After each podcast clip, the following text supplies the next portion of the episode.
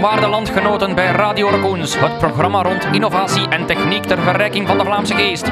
Dit programma wordt u gebracht door de Raccoons Groep, een verzameling technologiebedrijven die zich bezighouden met wonderlijke uitvindingen zoals kunstmatige intelligentie, praatrobots, virtuele realiteit en zelfs kwantumrekenaars.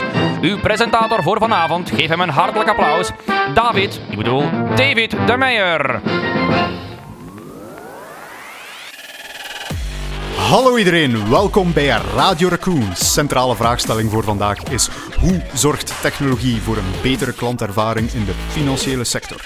En ik kan alvast verklappen dat wij hiervoor de perfecte gast gevonden hebben, namelijk Rudy Peters, CIO van KWC. AI, IoT, blockchain en zelfs quantum computing, het komt allemaal aan bod in deze boeiende aflevering. Hallo iedereen, welkom terug bij Radio Raccoons. Vandaag alweer een interessante gast, een centrale vraagstelling en natuurlijk mijn fact-checking sidekick. Welkom Sam, wat is de vraagstelling van vandaag? Dag David. Uh, de vraag voor vandaag is: hoe zorgt technologie voor een betere klantrelatie in de financiële wereld? Opnieuw een interessante vraagstelling, denk ik. Inderdaad, goede vraag en goede gast ook, want voor deze aflevering hebben wij Rudy Peters, CIO bij de grootste Belgische bank, oftewel KBC, marketeer, inspirator en blijkbaar zelfs bioloog, maar bovenal een creatieve optimist.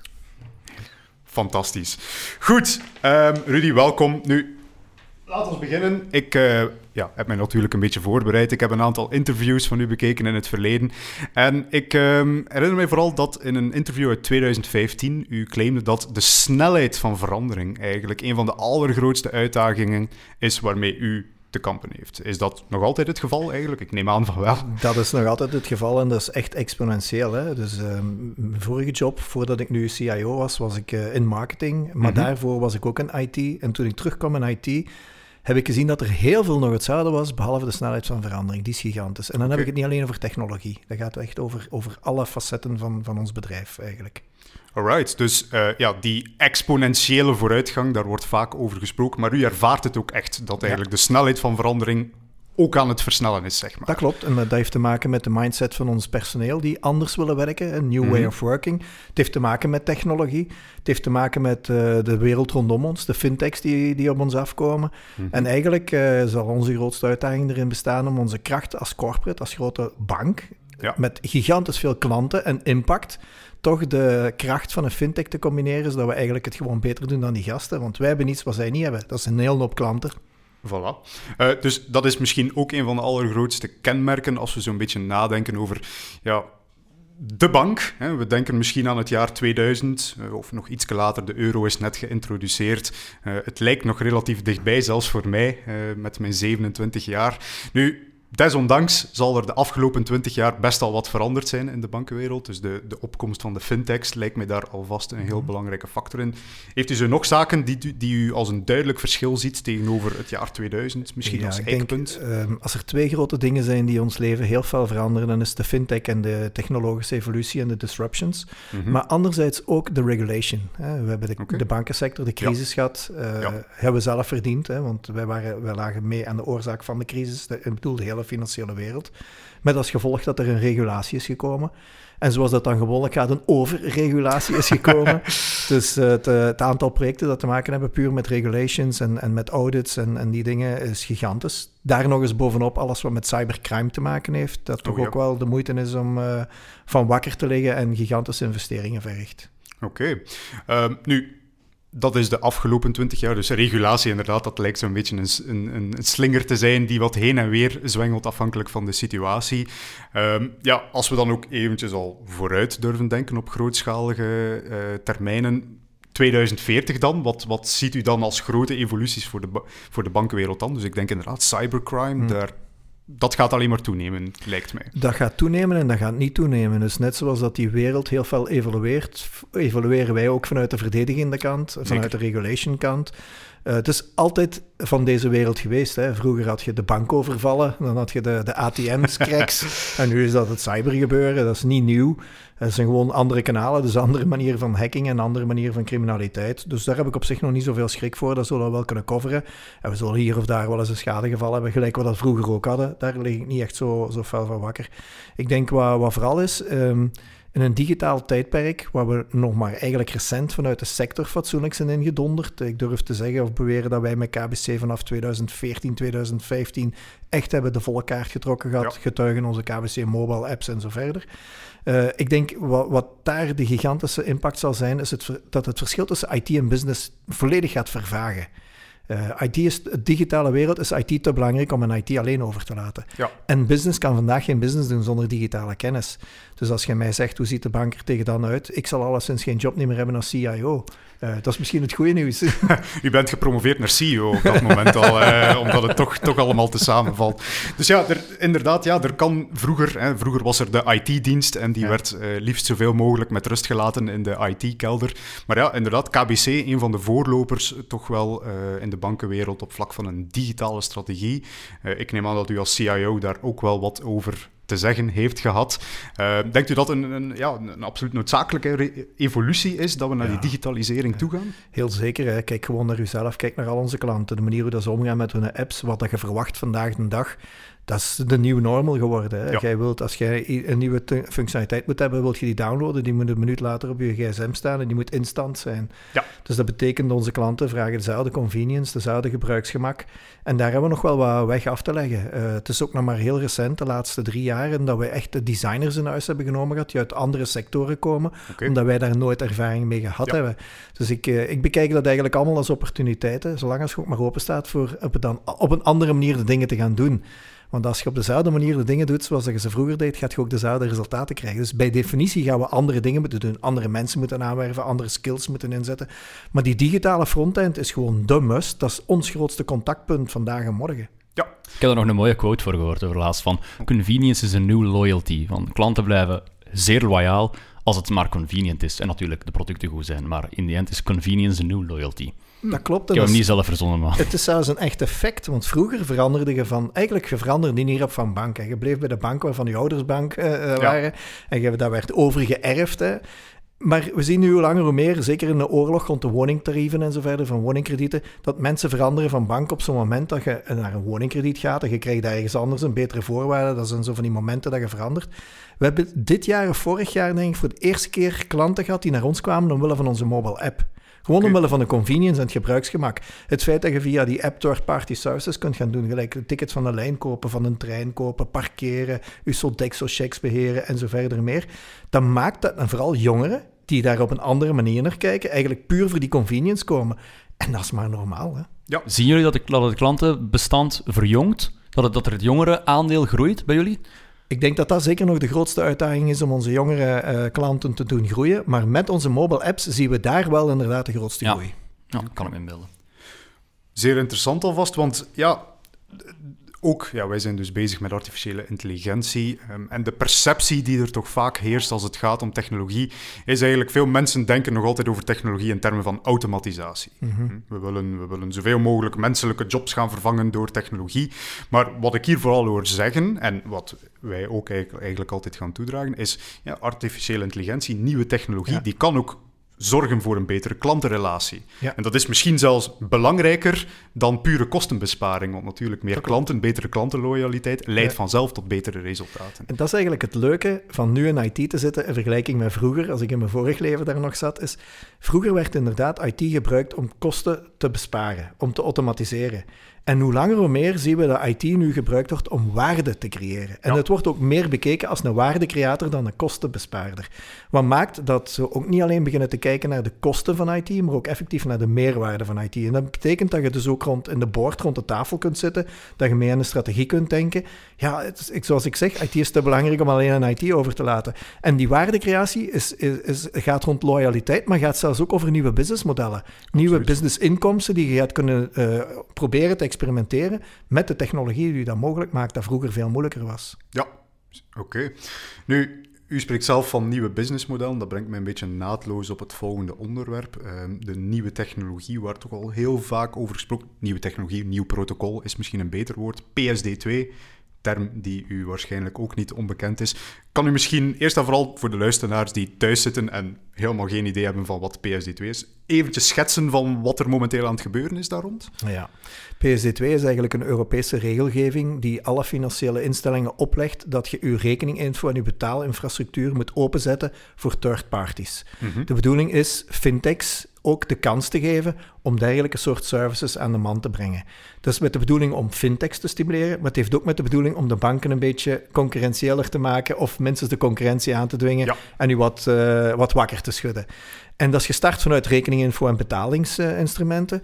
En mogelijk zal het daar niet bij eindigen. Het zal mogelijk verder lopen of niet. Dus de intentie is eigenlijk heel goed. Ik kan daar niet op tegen zijn, heel eerlijk gezegd. Ik zou ook heel graag willen access hebben op businessmodellen van andere bedrijven. Misschien moeten we daar ook eens over nadenken, vroeg of laat, vanuit de overheid. Maar de implementatie ervan laat dan weer te wensen over. Wat typisch is heel vaak voor een regulator. Uh, men heeft dan gezegd dat PSD2 wordt verplicht. Tegen dan moet iedereen het hebben. En de enige fatsoenlijke manier om dat te doen, en moet je toch een beetje technisch worden, is om dat te doen met API's, met open API's. Ja. Maar wat blijkt, er zijn maar heel weinig banken die klaar zijn met hun API's. KWC is daar de, was daar de eerste van, die ook effectief de, de API klaar had om aan fintechs aan te bieden, maar ook aan andere banken. En alle anderen werken met screen scraping. Hè. Dat is dan eigenlijk gewoon het scherm gaan lezen en proberen de velden in te vullen en zo door te geven. Ja, Als je dan je scherm verandert, dan, verandert u, dan gaat je toepassing niet meer. Je hebt dan de security van die banken nodig. In alle geval, om een lang verhaal kort te maken, het trekt vandaag nog op niet veel. Behalve voor diegenen die met API's werken. Maar dat is ook weer iets heel, heel raar. Dus wij hebben API's, dus wij maken het leven gemakkelijker voor de anderen, maar de anderen hebben geen API's waarmee wij het voordeel er niet van hebben. Mhm. Dus als je hier de beste in klas bent, word je niet altijd beloond. Ja. En dat is raar in het model, maar dat zal wel komen. Dus ik heb daar wel het volste vertrouwen in. En we bekijken dat dan ook weer, want je zou het kunnen zeggen dat is toch wel een bedreiging, hè? dat nu andere fintechs met onze rekeninginfo en een stuk van onze app kunnen gaan lopen. Maar ik bekijk het omgekeerd. Hè. Wij bieden ondertussen rekeninginfo aan van alle grote banken in België via onze app. Voilà. Je hebt morgen geen andere app niet meer nodig dan die van KBC en dat is de beste, dus waarom zou het je niet? Of mocht ik nu geen reclame maken? dat, dat, mag, dat mag zeker en vast wel. Ja. De, de, de app van KBC toch wel een beetje bekend omwille van zijn brede functionaliteiten. Ja, goed dat u het ook zo ziet. Uh, dus er zijn twee mogelijkheden om zo'n technologie te gaan omarmen. Hè, als bedreiging uh, en zich daar zo lang mogelijk tegen proberen te verzetten. Of het omarmen, de eerste zijn en het eigenlijk te zien als een opportuniteit om tegelijkertijd ook meer uh, te kunnen gaan aanbieden aan een bredere markt. Zeer interessant. Nu, dat brengt mij eigenlijk uh, bij de vraag die onze vorige gast, Tim Verheijden, uh, graag aan u wou gaan stellen. Uh, omdat ondertussen ja, heb ik er zelf ook een beetje over zitten nadenken. dus de vraag van Tim Verheijden was van, ja, is er eigenlijk nog een toekomst voor het lokale bankkantoor? Mhm. Nu, aangezien dat we spreek, spreken over, over die open standaard, zat ik te dromen van, gaan we misschien naar een soort universeel bankkantoor toe. Uh, Gaan we binnenkort het bankkantoor lostrekken en is dat voor over alle banken heen? Of wat is daar eigenlijk ja, de, de lange termijnvisie in zover dat die er al kan zijn uh, op, op die lokale bankkantoren? Ja. Maar ik denk, uh, voor ons is dat heel duidelijk. Wij volgen de snelheid van onze klanten. En als onze klanten nog niet full digitaal zijn, wil dat ook zeggen dat wij bankkantoren zullen nodig hebben. Dus ik denk bankkantoren zijn zeker vandaag de dag ook nog relevant. Het aantal al wel wat minder. En de manier hoe dat ze georganiseerd zijn ook. Als u spreekt over generieke bankkantoren, denk ik dat het eerder omgekeerd is. We gaan meer met specialisten werken, waar je toegang toe krijgt. En of dat nu via een bankkantoor is, of dat is via wat wij nu onze KBC Live hebben met videochat, of via een call, met, met een Skype-call en zo verder. Eigenlijk als ik dat nu even voor mijn eigen bekijk, ik, ik, heb al een gezegende leeftijd, dus ik heb ook het hele traject meegemaakt. Als ik vroeger iets nodig had, ging ik naar mijn bankkantoor en dat was altijd hetzelfde gezicht wat ik daar zat. En dat gaf me wel een soort van vertrouwen. Ja. Maar dat was niet de specialist woningkredieten, dat was ook niet de specialist fiscaliteit of tax, dat was ook niet de specialist... Maar eigenlijk heb ik nu veel meer aan mijn bankkantoor, want als ik nu contact opneem, en ik heb iets nodig voor een woningkrediet of voor fiscaliteit, dan kom ik bij een specialist terecht. Ja. Dus het gaat rond de toegang tot de mensen en niet het kanaal. Het kanaal is altijd van ondergeschikt belang. Of dat nu een bankkantoor is, of een mobile app is, of dat is een live kanaal. En ik denk waar je op moet inzetten is competentie. En competentie kan vanuit de mensen komen, maar kan ook vanuit artificiële intelligentie komen. Vanuit gestuurde applicaties komen. Maar daar draait het om. Eigenlijk, uw, uw, uw kracht ligt in uw distributie van uw advies. Ja, dus dan inderdaad ja, moeten we misschien uh, die mensen daar gaan loskoppelen van dat ja, ontzettend duur vastgoed die, uh, die er in elke dorpskern moet worden onderhouden, zeg maar, om die functionaliteit aan te leveren. Ik heb bijvoorbeeld ook al gelezen over een uh, investering van KBC in een virtuele, virtual reality mm-hmm. bankkantoor. Dus dat is misschien ook een optie, dus eigenlijk dat we dan al die experten ergens centraal kunnen laten hun job doen en dat die dan via toegankelijke kanalen gecontacteerd worden door de mensen die nodig hebben, zeg maar. Dat klopt. Ja. Dus dat, dat, dat vind ik dan persoonlijk ook als het dan gaat over artificiële intelligentie. Ik geef altijd de uitleg, uh, de smart speakers is een van die technologieën mhm. die, die absoluut opgekomen zijn dankzij artificiële intelligentie. De hardware is niet zo indrukwekkend. Hè? Een luidspreker, mm. een microfoon en een internetverbinding, daar blijft het min of meer bij. Uh, maar dan zeg ik vaak van ja, mijn grootmoeder, uh, mm -hmm. die, die toch ook al een zekere gezegende leeftijd heeft, die, die weigert te werken met een smartphone. Dat, is, mm -hmm. dat, dat, gaat daar voorbij. Uh, de computer heb ik haar persoonlijk nog aangeleerd. maar de smart speaker, daar was die meteen mee weg. Ja. De, een, een, een, vrouwtje van, van 70 jaar ja. kan daar van de eerste keer gewoon tegen gaan praten dat opent ook wel nieuwe kanalen, zeg maar, voor, voor dat klopt, zulke mensen. Dat klopt. Ik denk, want uh, oorspronkelijk, uw, begin van uw podcast was van kan technologie helpen in een betere klantbeleving? Wat, dat is, wat je nu aanhaalt, is er gewoon spot on. Ja. Met de technologie krijgen we mogelijkheden die we vroeger niet hadden om onze klantenbeleving nog beter te maken. Hè, of dat nu een videochat is met live, of dat is een virtual reality, of dat is een Siri, of een Alexa, of een Google Home. Eigenlijk zijn dat maar allemaal middelen waarmee we onze frequentie met onze klantencontacten gewoon kunnen verhogen en verbeteren. Ja. En opnieuw, soms zet je daar mensen achter en soms zet je daar technologie achter. Maar toch ook niet onderschatten de kracht van mensen erachter. En een, een mooi voorbeeldje wat ik altijd gebruik en wat we ook in onze design thinking altijd in overweging nemen is welk soort probleem of welke soort uh, activiteit is nu het meest geschikt om niet met technologie te doen. Ik ga een heel mooi voorbeeldje Hmm, geven. leuk. Uw huis brandt af.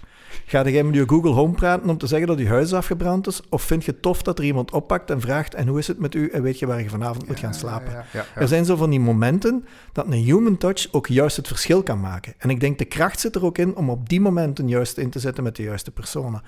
Dus het is niet zomaar zwart-wit, altijd en overal volledig technologie. Uh, ik denk dat dat zelfs bij de jeugd vandaag de dag ook zo is. Ik heb drie dochters die ook altijd met de smartphone zitten rond te lopen, maar ik zie die nog even goed naar vuiven gaan hoor. Ja, ja, absoluut, absoluut, absoluut. Ja, het is dus inderdaad wel belangrijk om daar een onderscheid in te gaan maken. Wanneer gaan we de mens nog altijd gaan inzetten? Wanneer Ja. heeft de mens nog altijd een voordeel op ehm, ja, de, de, de computer eh, in sommige situaties?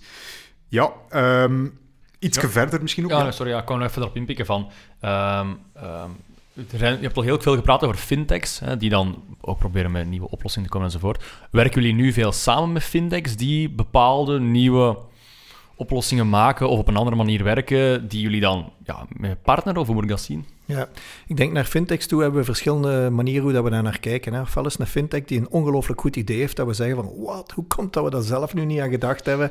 En dan kopiëren we het soms. Eh, Soms is een fintech waarvan we zeggen, wow, dat is niet alleen een goed idee, die hebben een first mover advantage. Laten we hun gebruiken en dan maken we een joint venture en gebruiken we hun diensten om onze klantenservice te verbeteren. En in een extreme geval zeggen wij, wow, dit is een goede idee, dit is een goede fintech, dit is zelfs heel strategisch voor ons, Eh, misschien moeten we verder gaan. Dan moeten we Ja. ook eens denken naar M&A, eh, verder gaan, de joint ventures en zo verder. Ja. Oké. Nu, als we het hebben over technologie en de bankenwereld, dan denk ik als we een willekeurige poll zouden afnemen bij de iets, misschien iets technischer onderlegdere mensen, de term die naar boven komt is daar misschien blockchain. Blockchain, bitcoin. Eh, ik, ik heb het zelf als een wervelwind zien passeren. Plots gingen alle banken ten onder gaan. Eh, enkel nog bitcoin voor alle betalingen. En, en weet je wat, de, de overheid vervangen we dan ook maar door een blockchain systeem. Hoe heeft u dat eigenlijk ervaren? Ik vermoed dat, dat, dat u toch wel in de, de ideale positie stond om, Ja, om zo'n ja, systeem te gaan evalueren. En, en ja, Wel, ik ben vier jaar voor de eerste keer, en dan ben ik zeker geen early adapter, voor de eerste keer geconfronteerd geweest met blockchain. En dat kwam eigenlijk eh, met bitcoin. En bitcoin is eigenlijk het slechtste voorbeeld van blockchain. hè? Maar eh, ik vond dat wel heel, heel mythisch om te weten. Ik ben dus ongelooflijk curieus en nieuwsgierig. Dus ik zag die bitcoin gebeuren. Ik zei, hoe kan dat nu? Hoe werkt dat nu? En dan ben ik onder die motorkap gaan kijken en heb ik blockchain tegengekomen. En toen heb ik toch wel zoiets gehad. Ik heb in 1996 de eerste internetbank gelanceerd in Europa. Mhm. En toen had ik ook zoiets van, ik zag HTML, ik zag e-mail, ik deed die koffer open, ik zag daar TCP/IP en zo verder. Ik zei, wow, die technologie is knap. Datzelfde gevoel had ik nu effectief met blockchain ook. Ik zeg, wow, wat hierachter steekt, dit is gewoon huge. Dit is niet niks, dit is knap. En eigenlijk heb ik toen, ben ik toen altijd een beetje gepassioneerd geweest door blockchain. En zijn we ook al beginnen experimenten te doen rond blockchain. En blockchain, als ze mij dan vragen, ik probeer in ene zin te zeggen wat blockchain is. Dat is mhm. trust as a service. Ja, nu, wat is bankieren? Dat is trust. Dus als je morgen iemand anders dat gaat doen, hey, we're out of business.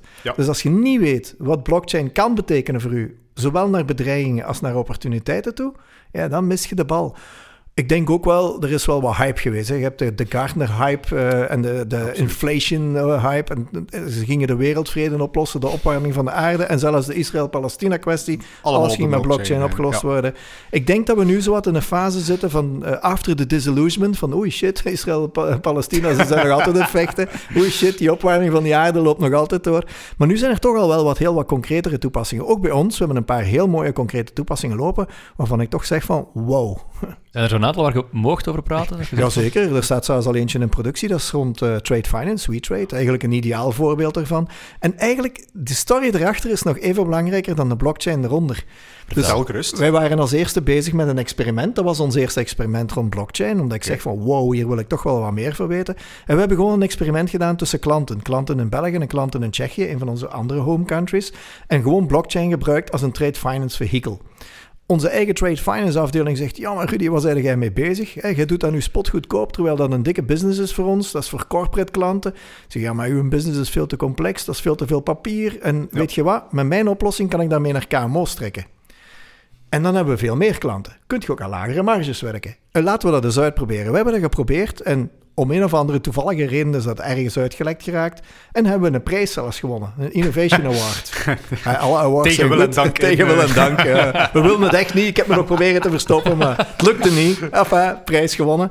Maar wat was het gevolg van die prijs? Is dat we onder de radar kwamen van al de grote jongens. En dan denk ik de UCB, de, de SocGens, de RSB, de Royal Bank of Scotland, mhm. de Deutsche Banken. Dus de echte grote jongens in Europa. Die zeiden van, wow, wat is KBC daarin toen? En die vroegen, kunnen we niet meedoen? En dan hebben we eigenlijk een joint venture, hebben we een bedrijf gestart, WeTrade, waar iedereen okay. aandeelhouder is en wij het IP hebben binnengebracht. En ondertussen hebben we iets gemaakt voor onze klanten om blockchain, uh, trade finance op de blockchain te doen. En anders hadden we nooit bij die grote jongens gezeten. En als er nu ergens een project opstart in Europa over blockchain, krijg ik een telefoon. Dus we zitten aan de window. Dus je kunt ook op de opportuniteiten bekijken.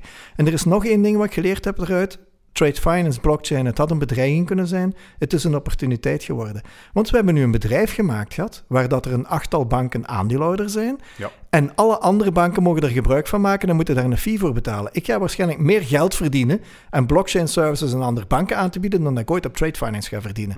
Dus op zich weer opportuniteiten. En zo kan ik er tientallen voorbeelden geven van wat bedreigingen lijken en toch opportuniteiten zijn. Ja, nu, het, de, het grootste pijnpunt ehm, bij blockchain heb ik altijd ervaren als hoe krijgen we al die verschillende partijen, uh, die misschien ook allemaal graag hadden begonnen met een eigen WeTrade-platform, uh, waar, waar zij dan het IP op beheren, hoe krijg je dan eigenlijk al die verschillende partijen samen aan tafel? Uh, acht banken, dat, dat, dat lijkt mij al behoorlijk indrukwekkend. Het is alsof je de pijn in mijn hersenen kunt zien met de vraag te stellen. maar als er nu één ding is waar ik inderdaad echt wel pijn heb, wat echt, uh, echt ambetant is, is zo'n joint ventures maken. Dat is akkoorden komen. En eigenlijk heeft dat te maken met het feit dat we op een private blockchain werken en niet op een public blockchain. En als je mhm. op een private blockchain werkt, moet je consortiums doen, moet je afspraken maken en zit je met, met zo'n bedrijfsstructuren. Het voordeel van een private blockchain is dat je ook regeltjes kunt opleggen. Bijvoorbeeld in trade finance, wat was een van onze grote problemen als we dat public zouden doen. Iemand die erop komt en die pretendeert iemand te zijn, wie zegt dat hij die persoon in kwestie is, buiten zijn eigen validatie van zijn eigen identiteit. Nu, bij ons in WeTrade, de banken zetten de klanten erop. Dus we hebben een validiteit. Wij, wij doen de certificering van de klanten, wij hebben een liability daar naartoe. Dus het maakt ook dat je spelregels kan maken. Op de public blockchain is dat veel moeilijker. Maar we zijn nu ook onze eerste stappen aan het nemen in de public blockchain. Misschien en ik even voor, voor de mensen die iets minder onderlegd zijn in blockchain, misschien heel kort verschil public-private blockchain, misschien wel interessant om even toe te lichten. Ja, dus Bitcoin is eigenlijk een voorbeeld van een public blockchain die eigenlijk door niemand gereguleerd wordt, maar waar iedereen gebruik van kan maken. Herinner u nog als ze naar de Bitcoin Cash zouden gaan en dan ze een stuk van de waarde zouden willen uh, verdelen, dat ze de, de Bitcoin willen opdelen? Hoe gebeurde dat daar? Met een voting meer dan de helft van de stemmen zegt voor, dan gingen ze dat doen. En de andere helft hield allemaal ze, vast van oei oei, wat gaat dat betekenen? Gaat dat in elkaar storten of niet? Dus je hebt daar geen governance, geen regel over. Ja. Per chance is dat gelukt. En misschien is dat ook niet per chance. Misschien is dat een voorbeeld van hoe dat zelfregulerende systemen werken en misschien goed werken. Mhm. Maar het, het, het, het voordeel van een private blockchain is dat je gewoon met een paar partijen afspreekt. Dat je ook met een paar partijen zegt: zo gaan we het doen, zo gaan we met elkaar werken. De klant merkt zelfs niet dat hij in een blockchain zit, want die ziet gewoon een browser, bij wijze van spreken. En het is vooral een groot voordeel voor, voor de partijen die meedoen. Wat zijn nog de grote voordelen? We werken ook nog met gedistribueerde data. Blockchain heeft als eigendom gedistribueerde data. Dus dat wil zeggen, die zitten nu bij de verschillende banken in het geval van WeTrade. Een corporate kan dat ook nog altijd doen. Terwijl in de public blockchain, Bitcoin weer als voorbeeld te nemen, moet iedereen een stuk van die nodes Moeten die nodes berekend worden? Heb je het hele probleem van energieconsumptie en zo verder. Dus er zijn ook wel wat nadelen aan de public blockchain toevallig al iets dat u kan vertellen over experimenten in de, de public blockchain methodes. Gaan we binnenkort naar de KBC-coin. We kunnen gaan uh, minen met onze GPU's eh, toevallig. Uh, wij zijn bezig met experimenten, maar dat is dan weer een private rond tussen de verschillende marktenzalen, settlement van transacties tussen de marktenzalen met een coin, effectief, een utility settlement coin. Maar dat is intern tussen de financiële instellingen, maar daar gaan we heel veel lessen leren om dat ook verder open te trekken natuurlijk.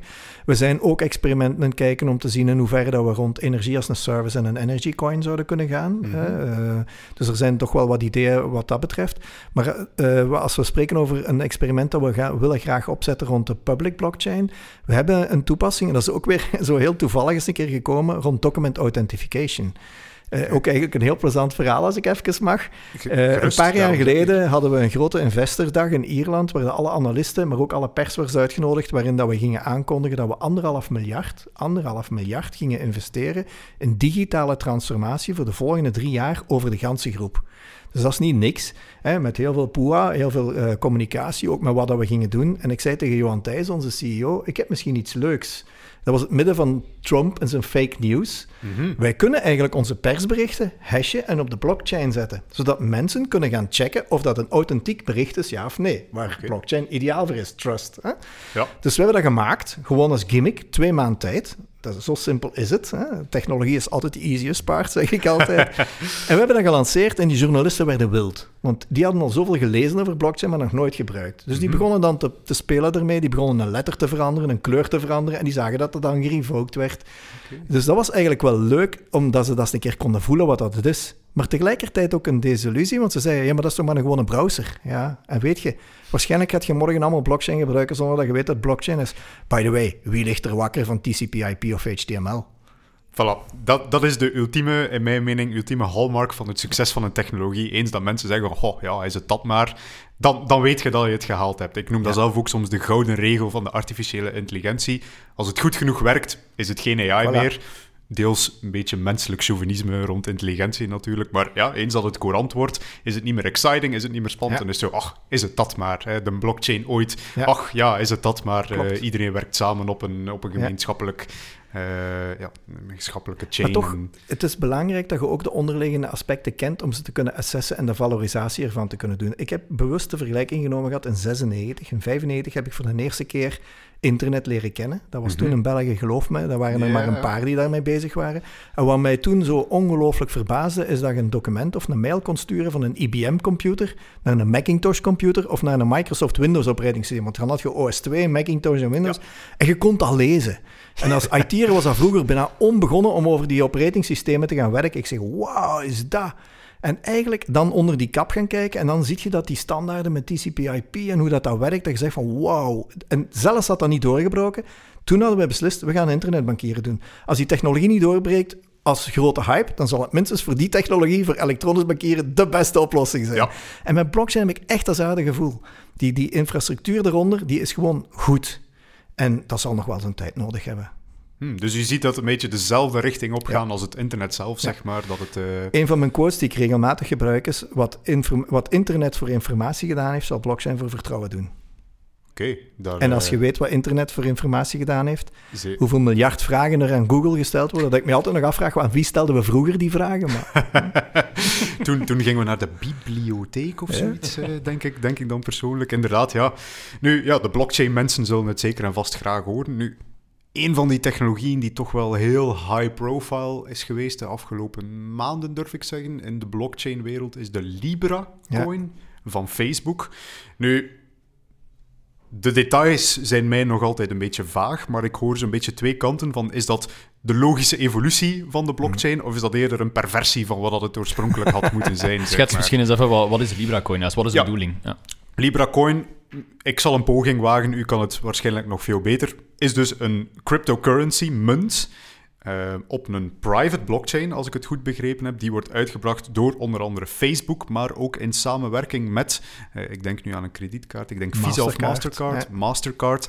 Uh, dus die, die hebben daar ook een consortium, zeg maar, rond mhm. verzameld en die willen dus eigenlijk cryptocurrency gaan aanbieden. Maar dan, in tegenstelling tot Bitcoin, moet, moet ze altijd goed uit elkaar mhm. houden, in tegenstelling tot Bitcoin, private, gemanaged en niet zozeer public, zoals mhm. Bitcoin. Zit ik daar een beetje in de buurt? Dan zit je eh, zeker in de, in de, buurt. En je begon met uw vraag, is dat nu een zegen of is dat nu... Uh, Hoe noemde je het woord? Ik ben het woord kwijt. Uh, een perversie is, heb, ik, heb ik al letterlijk op het internet gelezen. maar ik denk dat het een juiste definitie zou kunnen worden.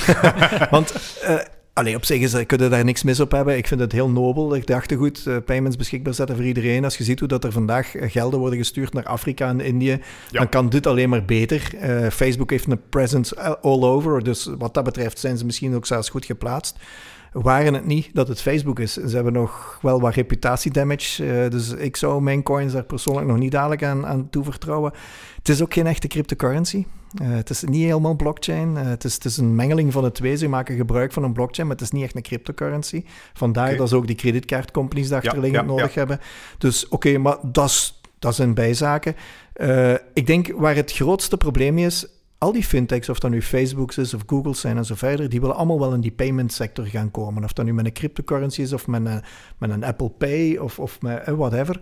En de reden is, die willen geen bank worden. Versta me goed, die willen geen bank worden. Who the fuck wants to become a bank? Hè? als je kijkt naar, de, naar het rendement per personeelslid van een Apple of van een Google of van een mhm. Facebook, en je vergelijkt dat met de banksector, dan weet ik voor wat je kiest. Komt er nog eens bij de regulatie die wij hebben als banken? Daar kies je niet voor. Maar ze zijn wel geïnteresseerd in die payments. Nu, mijn vorige job, ik heb je dat gezegd gehad, of jij hebt het denk ik gezegd bij de aankondiging, was marketing. Inderdaad. En ik heb één heel grote les geleerd toen ik directeur marketing was. Er is een verschil tussen wat de klant zegt en wat de klant doet. En kijk naar jezelf. Sommige aankopen doet je heel impulsief, omdat je een gadgetfreak bent of whatever. En dat is niet omdat dat moet. Maar dat is gewoon een impuls. Ja. Dus er zit heel veel emotie in beslissingen van klanten. En dus er is een verschil tussen wat hij zegt, wat heel vaak rationeel is, en wat dat hij uiteindelijk doet. En wij, Google ziet wat een klant zegt, die ziet wat hem zoekt. Wij zien wat hem koopt, mhm. wat hem doet. En zij zijn vooral geïnteresseerd in die data en in die informatie. Dus daarom willen ze daar heel graag naartoe gaan. En dan zou je zeggen, ja, easy, hè? dan start je toch gewoon met een payment vehicle. Maar nu komt regulation op de proppen. Alles wat te maken heeft met anti-money laundering. Wij moeten kunnen uh, aantonen van waar het geld komt. Je mag nooit meer dan zoveel euro cash afgeven of wij moeten kunnen bewijzen van waar het komt. En al die dingen meer. Hoe gaat je dat in godsnaam geregeld krijgen in zo'n systeem? En je ziet ook, de eerste die gereageerd hebben, waren wonderwel niet de banken die negatief waren over Libra, maar vooral de regulations. Hè? Mhm. Zelfs de Federal Reserve Bank in Amerika, tot de nationale banken in de verschillende landen, tot de ECB, die zeggen van, hé hey mannetjes, wat zeg jij daar van plan? Hoe ga je AML doen? Hoe ga je dit doen? En zo verder. Dus ik denk dat ze het een beetje onderschat hebben. Dat ze denken, oh, payment, piece of, hè? piece of cake. Maar als je op zo'n schaal dat gaat doen, dan komt er toch nog iets anders bij kijken. En ik vergelijk het dan vaak met Tesla en de automobielsector.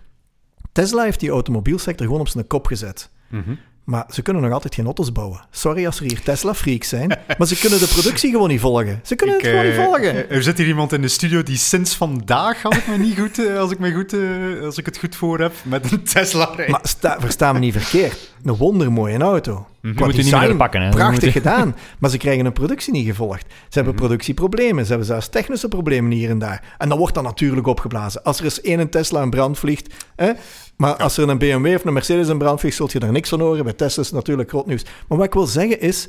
Auto's bouwen is een stil. Mhm. De Mercedes, de, de, General Motors, de BMW's, die weten hoe dat je auto's moet bouwen.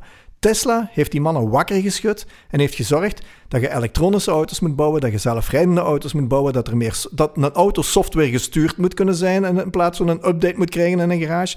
Die dingen, dat vind ik geweldig. Ja. Maar ik denk echt, en kijk wat dat er bezig is. Als ik zie de nieuwe uh, modellen van BMW en Mercedes, wow hè.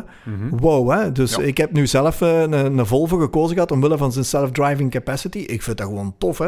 Uh, top. En, en ja, oké, daar zit dan wel de security en de veiligheid van een Volvo nog altijd onder hè. Dus, dus je gaan zeggen dat, sorry, ik wil gaan zeggen dat dingen zoals Libra dezelfde impact gaan hebben op de bankensector? Dat is waar je naartoe wilt. Hè? Heel zeker weten. En, en pas op, bankieren is ook een stil op zich. Hè.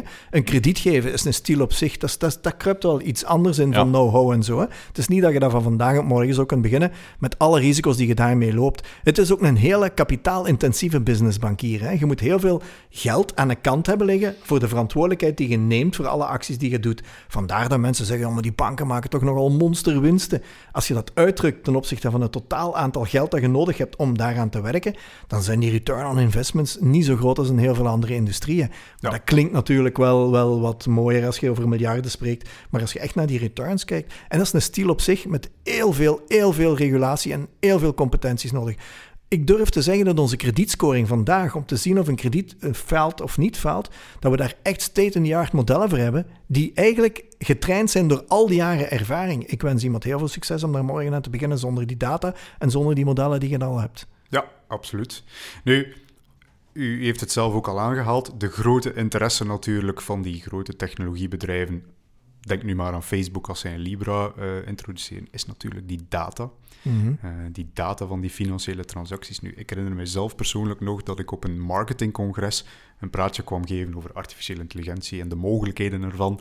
En ik, uh, ik, ik woonde toen een toevallige presentatie daarvan bij. En daar ging het over, ja, hoe, hoe gaan we die HTTPS beveiligde omgeving, waarin mensen in hun bankenomgeving mm -hmm. altijd gaan opereren, die super beveiligde omgeving, hoe gaan we die toch gaan omzeilen om daar informatie uit te gaan halen? En dat werd daar mhm. heel sec gebracht. Ik probeer mij vaak te verontschuldigen als ik een beetje te dystopisch begin te denken of dat het een beetje sinister begint te klinken.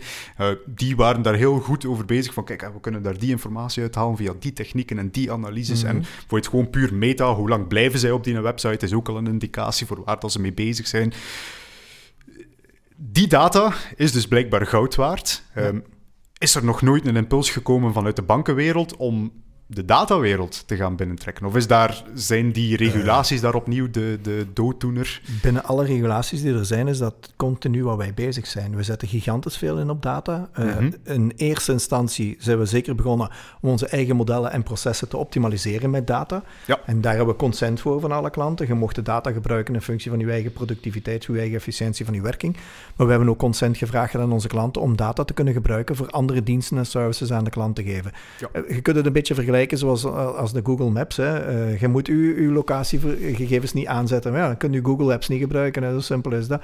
Maar als de toegevoegde waarde die je daarvan krijgt groot genoeg is, zult je de consent wel geven. Dus ik denk, ik denk, wij moeten maar zorgen dat we genoeg toegevoegde waarde aan onze klanten geven, opdat ze de mogelijkheid geven dat wij met hun data zinvolle dingen kunnen doen. Mhm. En op het moment dat je dat begint te misbruiken, then you're out. en ik heb in het begin, eh, als we over blockchain bezig geweest zijn, gezegd dat bankieren is trust. Als we die trust van onze klant misbruiken, ja. we're out. Ja. En Facebook kan zich permitteren, want die starten van het omgekeerde, bij wijze van spreken. maar wij kunnen ons dat echt niet permitteren. Dus GDPR, ik ben er zelfs niet tegen. Ik vind dat op zich niet, niet slecht dat er GDPR is. Ik vind dat ze soms wel wat overdrijven, dat ze hier en daar misschien wat te ver gaan. Maar langs de andere kant, als wij geen toegevoegde waarde kunnen geven, dan moeten we er ook maar geen, geen gebruik van maken. Zo simpel is dat. En uh, ja, we hebben op dit moment toch een zeventigtal uh, data crunchers, mathematici, die niks anders doen dan rond modellen werken. Om een voorbeeldje te geven, ik heb juist gezegd dat kredietrisico's, hè, wij kunnen kredietrisico's berekenen op basis van de historiek, op basis van je transacties. Maar met big data kunnen we en artificiële intelligentie kunnen we ook iets omgekeerd doen de kans op slagen berekenen op basis van heel veel externe parameters. Mhm. En dan kun je daardoor ook een lager krediettarief geven. Maar niet in functie van een, een risico, maar in functie van een opportuniteit. Dat is een totaal andere business. Daarmee kun je ook naar uh, prospecten gaan, want je hebt alleen maar de gegevens van je eigen klanten. Dus er zijn, zijn heel veel mooie mogelijkheden met data en ik denk, uh, you ain't seen nothing yet.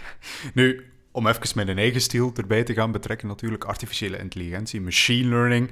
U spreekt over modellen, u spreekt over voorspellen, zeg maar. Ik neem aan dat machine learning AI toch ook volop zijn intrede gedaan heeft in de bankenwereld. Dat klopt. En, en dat was ook een van de grootste uitdagingen, denk ik, voor ons IT-departement. Dus we hebben een apart departement die niks anders doet als big data en AI.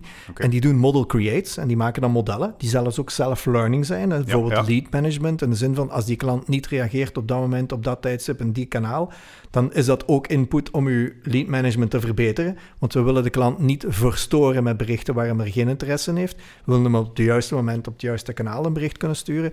Dus dat moet echt zichzelf blij, blijvend leren. Maar zoiets integreren in een systeem is niet evident, wetende dat wij met release management werken. Die x mhm. keren per jaar releases gaan doen. Ja, mhm. een self-learning systeem is continuously releasing. Hè? Ja. Dus daar komt toch wel wat bekijken. En ik vind dat wel heel boeiend, want dat, dat zet ons ook wel wat scherp. Dus we hebben daar toch wel wat uitdagingen gekregen.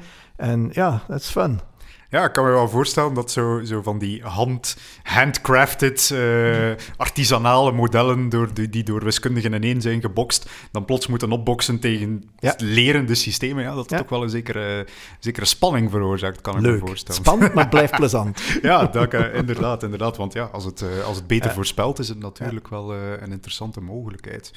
Ja, artificiële intelligentie natuurlijk één iets durven we misschien ook al iets verder vooruit kijken. Mhm. Kijken we naar quantum computing. Is de bankenwereld daarmee al bezig? Of is dat echt wel nog een te ver van ons bedshow? Eh, zelf gaan we natuurlijk geen quantum computer bouwen. Hè? Eh, maar eh, we hebben natuurlijk het voorrecht dat we een grote bank zijn die op gebied van digitaliteit en innovatie heel ver staat. Waardoor dat er heel veel partners ons komen zoeken als ze ook iets willen experimenteren. Zoals ook IBM ons komen zoeken om te kijken of we eens een keer kunnen gebruik maken van hun quantumcomputer. Zoals u weet, die staat wel al in productie. Daar kunt je als een service gebruik van maken. Om te kijken of we bepaalde modellen of big data analyses daar eens nu kunnen op runnen. Of zelfs grote testbadjes en zo verder kunnen doen. En uh, ja, dus dat is leuk. Hè, dat je aan de venster zit, dat je mee kunt experimenteren met die partijen. Dus ik, vind dat, ik ben echt bevoorrecht. Ik ben een gelukkig man dat ik hier zit in die stoel. Dat ik gechallenged word door bedrijven als IBM, Microsoft om zo'n dingen te doen. Ook rond cloud en zo verder. En uh, ja, dan zie je toch wel wat er allemaal voor mogelijkheden zijn. En ik geloof dus wel heel sterk aan wat quantum computing allemaal gaat genereren. Maar het zal zijn tijd nog nodig hebben, want de stabiliteit is nog ver van. Uh, Maar wie had dat gezegd als Bill Gates ooit zegt dat er een computer in elke huiskamer zou staan op het moment dat de enige computer die je kende een IBM mainframe was, bij wijze van spreken. heeft ook zijn tijd nodig gehad. En die eerste computers waren ook niet zo stabiel. Ja, inderdaad, inderdaad. Dus um, dat is een beetje de, de algemene opvatting, zeg maar. Wij zitten nu in de jaren 50 van, als we vergelijken met de klassieke computers, de jaren 1950, het absolute begin van uh, de, de, klassieke computer. De transistor was nog niet uitgevonden. En vaak zegt men van, kijk, daar zitten we nu. Uh, We zijn eigenlijk nog aan het wachten op de definitieve architectuur van een quantumcomputer. Maar wat ik eigenlijk geleerd heb uit quantum computing, en je hebt in de intro gezegd dat inderdaad, mijn allereerste diploma is bioloog. Ja. En wat ik zie, is dat er een gigantische impact is, en de synthetische biologie is zo'n vakgebied dat daar heel ver in gaat, mhm. waar dat biologie en, en biologisch en, en, en natuur een leverage kan hebben op technologie. Men zit op dit moment te kijken naar storage in de vorm van DNA. Je kunt op, mhm. een, op, op, een, op een koffielepeltje DNA heel internet bij wijze spreken storage. Dat is wel iets anders dan teradata's of hectadata's of pectadata's of whatever. Dus ik denk, daar gaan we nog heel veel... En quantum computing is eigenlijk hetzelfde. Hè? Dat gaat over elektron en dat gaat over tussen 1 en 0 en quantums waar dat ze zitten. En die pairs, dat komt uit de fysieke wereld, uit de, uit de fysica, uit de biologie, uit de wetenschappen. Dus ik denk, die marriage tussen wetenschappen en IT, dat gaat echt dat gaat subliem dat gaat vonken geven. Ja, uh, dat is... Uh, ja, nee, ik wou even zeggen, van, want uh, de voorbeelden van quantumcomputers, ja, die zijn in biologie een schitterend voorbeeld van. Zijn er zo use cases in de fintech of gewoon in het algemeen bankaire sector waar je al over nagedacht hebt van shit, daar zou quantumcomputer echt wel iets kunnen betekenen? Maar ik denk zeker in, in dataprocessing, hè, als het gaat over big data en het verwerken van heel veel gegevens, dat je veel rapper gegevens kunt verwerken en dus ook veel rapper instant feedback kunt geven. Het ging over convenience bij de klant, het gaat over instant feedback. Mhm. Dus dan eh, kun je met quantum computing gigantisch veel doen. Uh, dus ik denk naar dataprocessing, naar procescapaciteit toe, zeker. Uh, maar ik denk ook naar security en encryptie. Ja. Uh, ik denk dat we ons veel beter gaan kunnen beveiligen, omgekeerd. Hackers gaan misschien ook veel beter kunnen Het zal terug een race worden, hè? Het zal terug een race worden, ja. Dus dat is inderdaad een aspect van quantum computing. Vaak als het gaat over encryptie, zeg ik altijd van kijk, het is het best gekende voorbeeld, maar eigenlijk ook een beetje het meest saaie qua gevolgen. We hebben een encryptiebrekende methode, maar quantumcomputers geven ons tegelijkertijd ook de perfecte encryptie, die niet kan gebroken worden, zelfs door een quantumcomputer. Dus het is een beetje zolang dat we op tijd zijn met de adoptie, verandert er eigenlijk weinig aan onze manier van werken. Nu, om ook nog een antwoordje te geven, uh, heel rechtstreeks toegepast op de financiële wereld, die quantumcomputers, is er ook, uh, ik ken zelf het typische voorbeeld van als ik me niet vergis, arbitrage. Mm waarbij dat we dus bijvoorbeeld, we hebben de euro, we hebben de dollar en we hebben de yen. Elk van die heeft mhm. een eh, een koers, een uh, conversiekoers, die eigenlijk puur door de markt bepaald wordt. En het kan soms wel eens interessant zijn om via een omwegje terug te keren naar de originele munt en zeg maar daar toch winst op te gaan maken. Hm. Quantumcomputers die kunnen gigantische netwerken van die zaken gaan evalueren en kunnen daarin dus ook optimale paden gaan zoeken. Dus dat is ook een manier waarop quantumcomputers de financiële wereld een, een, zetje gaan geven, zeg maar, de financiële wereld efficiënter kunnen gaan maken. Heel zeker, heel zeker. En als het dan gaat over waarom quantumcomputing zeker ook nog een toegevoegde waarde kan geven bij Internet of Things, gaat er gigantische data gaan komen. Dat is dus echt de katalysator van data. En als al die data instant moet kunnen verwerkt worden, ja, dan, dan gaat je een gigantische computerpower gaan nodig hebben, sowieso. Want anders gaat er zoveel delay zitten op je sensoren, op je Internet of Things, dat het totaal niet werkt. Eigenlijk, uh, gecombineerd met 5G, de wereld ligt open. Hè? Hmm. Misschien ook nog interessant om het daar nog kort even over te hebben. IoT, 5G, ook weer ja, twee technologieën die onlosmakelijk met elkaar verbonden zijn. Het een mhm. rekent een beetje op het ander voor zijn bestaansreden, zeg maar. Heeft dat zijn applicaties in de bankenwereld? Uh, laten we zeker niet uh, verbergen dat we daar naar aan het kijken zijn, naar wat dat de mogelijkheden zijn en dat we daar de nodige experimenten rond op starten zijn. 5G is er nog niet. We mhm. zullen eerst nog een regering nodig hebben, toch een nationale regering. ja. Uh, dus dat zal nog wel even op zich laten wachten. En dan is ook nog de vraag hoe dat ze die op de markt gaan zetten, die 5G. Maar dat komt wel goed en we gaan daar heel veel toffe dingen mee doen. Dus ik, ik weet sowieso al dat ik me volgend jaar gigantisch ga amuseren. Oké, misschien, misschien wat health trackers die in de gaten houden wanneer dat je te impulsief wordt en dan snel je creditcard blokkeert. Dat zou voor mij alvast een killer feature zijn uh, als ik, als ik uh, s'avonds op uh, Amazon aan het surfen ben en op zoek naar, naar nieuwe gadgets. dat kunnen we nu voor u al regelen als je dat wilt hoor. Je ah. kredietlijn stoppen of... ja, maar niet permanent. Soms, soms heb ik toch wel wat hankering voor nieuwe, voor nieuwe gadgets, zeg maar. Maar ja, soms wil ik dat ook wel, die impuls een beetje onder controle. Zo, David, ik zie dat je al drie uur in de zetel ligt en een beetje gedronken hebt. We gaan uw creditcard even blokkeren. Voor je Amazon leegkopt, koop ja, nu allemaal gadgets. Na, na drie wijntjes op een avond, uh, dan, dan komt er een waarschuwing naar boven van uh, pas toch Stop met gadgets uh, Uw kredietlijn is nu afgesloten of beperkt. Groetjes, ja, dus, Rudy. Ja, dat kan misschien wel een aantal mensen... Gepersonaliseerd. Gepersonaliseerd, hè, voilà. Wat ik misschien ook wel boeiend vind, want we hebben hier over allemaal opkomende technologieën gepraat. Hoe zorgen jullie er eigenlijk voor dat jullie kunnen blijven innoveren? Allee, mm -hmm. Als ik u zo hoor praten, jullie zijn met 101 experimenten tegelijk bezig. Wat is het model of de structuur dat dat eigenlijk toelaat dat die innovatie plaatsvindt? Ja. Misschien een beetje een open vraag, maar... Nee, nee, zeker geen open vraag. Eigenlijk een terechte vraag. En, en, misschien had ik er zelf vanaf het begin al wat meer over moeten zeggen. Maar ik ben eigenlijk... Eh, hier zit een trotse CIO, want ik ben de enige CIO toch in de bankensector die een R&D-budget heeft. Mhm. En kun je eigenlijk afvragen, hoe kun je vandaag de dag nog een bedrijf runnen zonder research and development budget te hebben? Maar van onze digitale transformatie is een 5% van ons totaal budget volledig aan de kant gezet, puur voor R&D. Waar we geen business case voor nodig hebben, dat we nieuwe technologieën willen leren, nieuwe businessmodellen willen leren, nieuwe processen willen leren. Dus, uh, en dat is echt wel, echt wel tof. Uh, bijvoorbeeld onze allereerste blockchain-experiment is daar gebeurd. Ja. Had ik daar de gewone governance van een bank moeten volgen, dan waren we nu waarschijnlijk nog aan het discussiëren. Dus je kunt toch wel wat dingen doen als je daar ook een apart budget en aparte mensen voor hebt. Uh, budget denk ik, is, is een van de randvoorwaarden. Een tweede voorwaarde is de manier hoe dat je je organiseert als bedrijf. Wij willen eigenlijk iedereen de mogelijkheid geven om een garage innovation te doen. Dat start dan meestal buiten een uren onder de middag. En als ze daar iets voor nodig hebben, kunnen ze daar geld voor krijgen van mijn R&D-budget. Vanaf het moment dat we zien van, hé, hey, dit is wel leuk, dan kunnen die komen pitchen, zoals een start-up. En dan kunnen die gedurende een bepaalde periode volledig vrijgesteld worden van hun werk en kunnen die effectief werken aan zo'n case. Dat kan binnen ons bedrijf zijn, binnen KBC zelf, maar dat kan ook een KBC Started zijn, hè, waar we ook heel actief in bezig zijn. En dan zetten we die mensen bijvoorbeeld al als een KBC Started en laten we die daar verder werken. Een piloot doen, een design thinking doen. Als dat dan weer een maand verder is, krijgen ze eventueel nog bijkomend geld voor een proof of concept te doen met real customers. En zo kijken we elke keer opnieuw uh, hoe ver dat we gaan. En wanneer we zeggen, oké, dit is te vroeg, dit is niet goed, trekken we stekker eruit, fast fail. Hè? Veel moeilijker in een bedrijf om dingen stop te zetten dan dingen te lanceren, by the way. Maar dat werkt wel, dat begint wel te draaien, dat is gekend. Uh, wat ook heel leuk is, ik ben er zelfs nog verder in gegaan, een gewoon IT-project, een binnen KBC-project voor een KBC-product of proces, heb ik al eens een keer bij KBC Started gezet. En ik heb gezegd, dat je krijgt geen projectbudget niet meer, geen projectstuurgroep niet meer.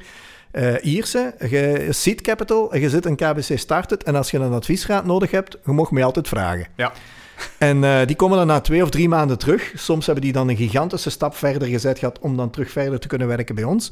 Soms stopt het dan ook. Maar wat geweldig is, los van wat ze realiseren, die komen terug en die zijn dermate vervuild dat die alles beginnen een vraag te stellen. Dat is geweldig. dat is geweldig. Die hebben daar op een andere manier leren kijken naar dingen en waarmee dat ze terugkomen, waarom kan dat hier niet?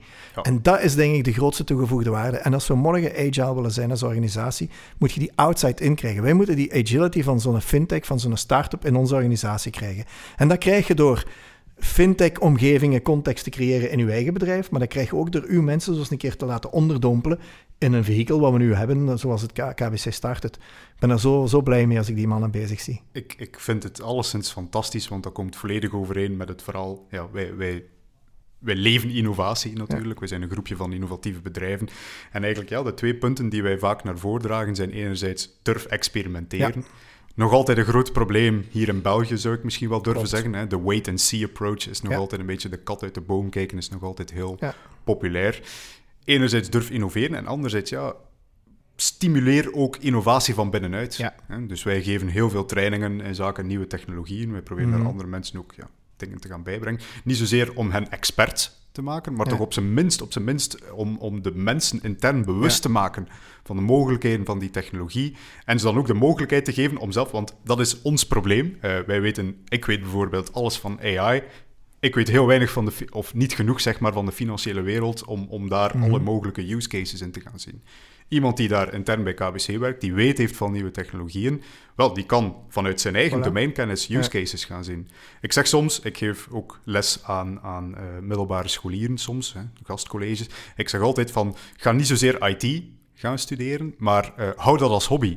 Uh, studeer iets anders hmm. en leer programmeren en je hebt het, het meest prachtige profiel dat je maar kunt voorstellen. Namelijk ja, iemand die domeinkennis heeft en kennis heeft van digitale technologie. Ik, ik vind het leuk wat je zegt, innovatie gaat meer dan over de innovatie zelf en de technologie en wat je ermee doet, maar het gaat ook over de mindset. En ik denk het is even belangrijk voor een bedrijf als KBC, als we morgen relevant willen zijn, dat we een heel groot stuk van de mindset in ons bedrijf veranderen. En dat hoeft niet bij iedereen, dat hoeft niet overal.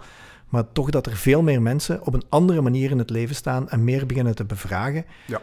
En dat is op zich is ook al heel innovatief hoor. zo'n proces en zo'n mindset te veranderen. Uh, en dat vind ik misschien nog het belangrijkste.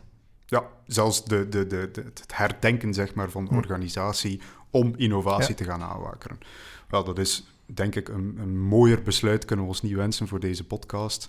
Uh, eerst en vooral bedankt uh, voor het komen. Natuurlijk, er is ook de rode draad doorheen mhm. al onze podcasts. Onze volgende gast is uh, Jan Flamand, CEO van het AZ Geel, die toch ook heel wat met innovatie te maken mhm. heeft. En we vragen dus ook telkens aan onze huidige gast van, heeft u toevallig een vraag voor onze, die we aan onze volgende gast kunnen stellen? Die okay, u interessant zou vinden. En ik ga een beetje voortborduren op het gesprek wat wij gehad hebben over technologie en AI en zo verder. En mijn vraag zou dan kunnen zijn, hoe kunnen we een godsnaam van ziekteverzekering en ziektezorg overschakelen naar gezondheidsverzekering en gezondheidszorg? Mm Hoe kunnen we zorgen dat we mensen behandelen voordat ze ziek zijn en daar een heel governance rond sociale zekerheid en alles opzetten? Ook naar verzekeringen en zo verder toe, in plaats van te wachten tot ze ziek zijn en ze dan een schade uh, terug te betalen. Ja, een preventief dus model in plaats van een reactief zeer, model. Zeer interessant. Ja, ja ik denk dat IoT, AI, alle technologieën waar we nu over gesproken hebben, daar absoluut een rol in kunnen En als hem de verzekeraar nodig heeft... Uh, Ken je een goede toevallig? Ik ken er een goede. dan bellen ze maar. Oké, Rudy, bedankt voor het komen nogmaals. Uh, Sam, er zijn nog een aantal dingen die moeten gezegd worden. Daar de verplichtingen. Voor. Ja, de verplichte, de verplichte informatie. Voilà. Nee, zoals altijd, hè, de podcast. Jullie hebben opgeluisterd op Apple Podcasts, Spotify of whatever. Maar uh, abonneer, like, laat in comments iets na. Als er nog vragen zijn voor Rudy, speel ze door. En dan uh, geven wij ze aan Rudy door. Hè. Voilà, oké. Bedankt iedereen voor het luisteren. En tot de volgende keer, denk ik dan. Voilà. Tot ziens.